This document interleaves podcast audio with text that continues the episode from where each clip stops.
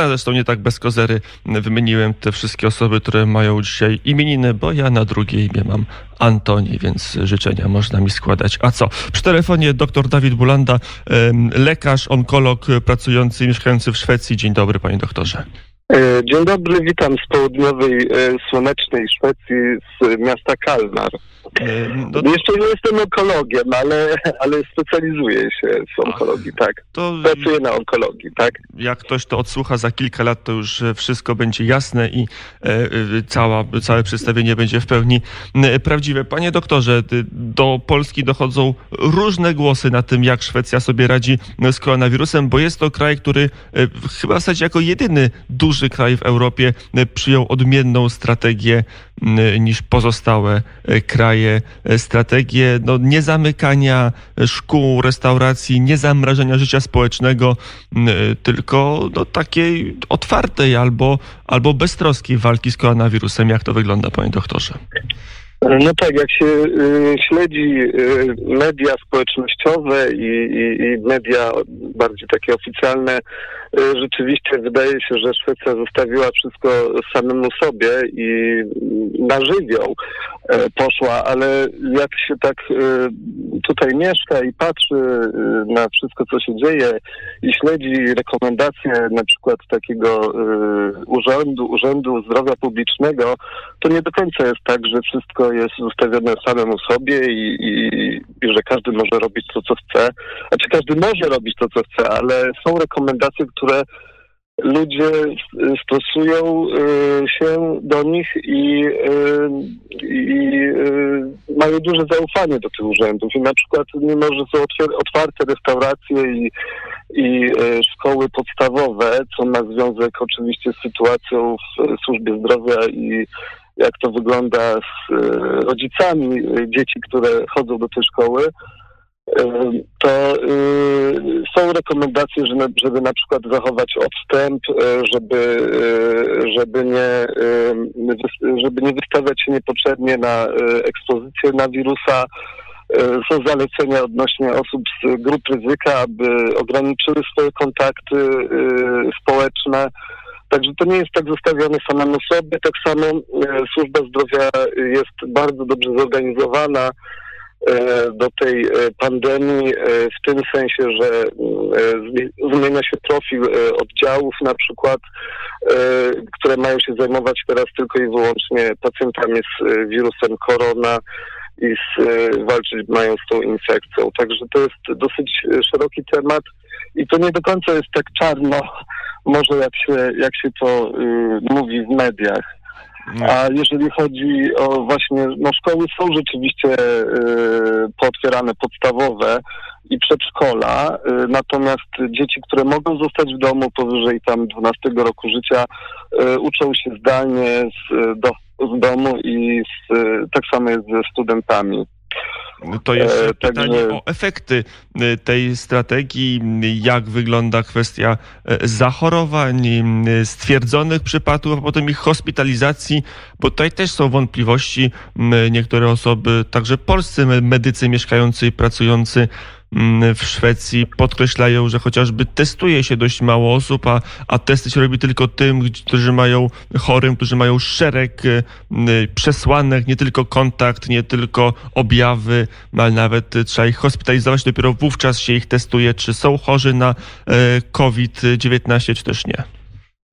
No tak, w Szwecji hospitalizuje się y, chorych, którzy po prostu nie mogą e, być w domu i wymagają pomocy medycznej e, w, w szpitalu. I rzeczywiście testuje się osoby, które potrzebują, wymagają e, takiej pomocy, które mają kliniczne podejrzenie infekcji koronawirusem.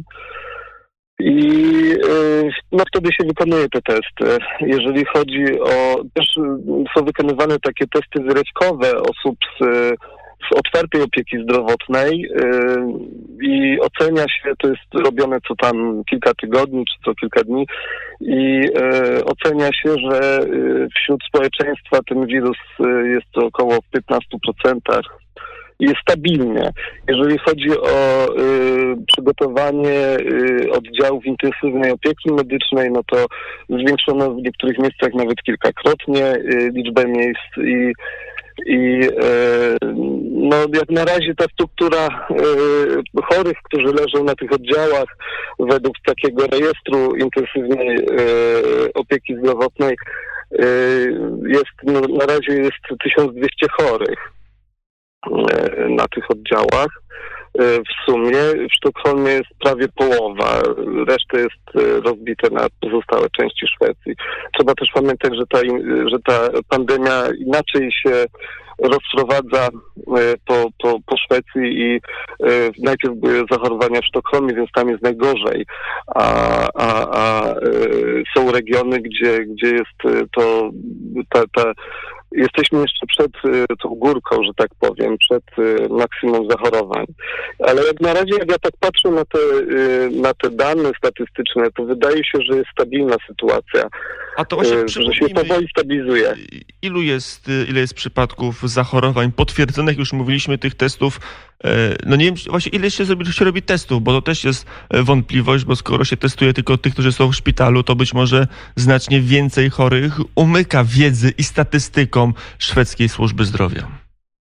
E, to znaczy, jeżeli chodzi o liczbę chorych, y, no to y, jeżeli się testuje tylko tych, którzy wymaga, wymagają tej opieki w szpitalu i jeżeli się patrzy na pozostałe tam statystyki, gdzie wychodzi, że około 20%, 20-15% to jest y, to są ci, którzy są z taką dosyć ciężką postacią choroby, no to można sobie łatwo obliczyć, ile tam jest tych zachorowań. Ja dokładnie nie pamiętam teraz liczbę wszystkich zachorowań, ale, ale to wy, wy, wygląda tak, jakby jakby to było około 100 tysięcy, jeżeli to było 10 tysięcy ostatnio e, zachorowań. E, no to jeszcze zapytajmy się pod względem medycznym, e, na ile Pana zdaniem ta taktyka szwedzka będzie zagrożeniem dla obywateli mm, państwa, w którym Pan mieszka i pracuje? To trudno, przepraszam, to trudno ocenić, bo y, jest za wcześnie, wydaje mi się.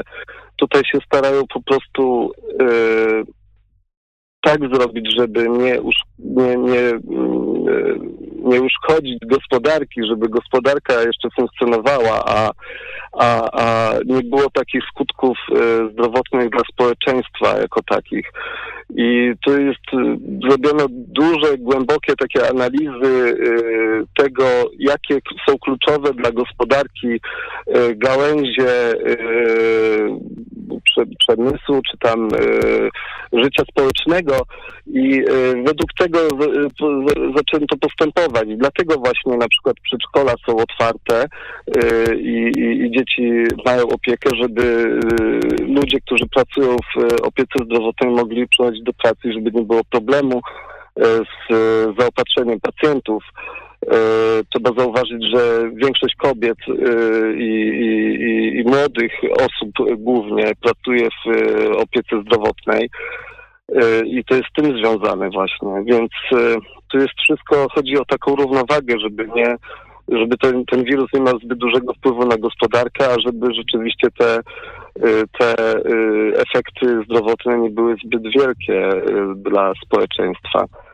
Jak na razie wydaje się, że, że, że jest to stabilne, ale to ciężko powiedzieć, jak to będzie dalej. Także ja nie dam rady, nie, nie jest w stanie odpowiedzieć na to pytanie w tej chwili, wydaje mi się. To jest to już ostatnie pytanie, też nie z kategorii najłatwiejszych jak e, społeczeństwo Szwecji przyjmuje tą politykę, patrząc dookoła i, i nagle znajdując swój kraj no, w towarzystwie może Białorusi, bo to drugi kraj, który ma podobną strategię e, e, walki z koronawirusem. A, a wszystkie kraje dookoła, i Finlandia, i Norwegia, no już się kraje pozaskandynawskie Unii Europejskiej no, wprowadzają restrykcje i obostrzenia.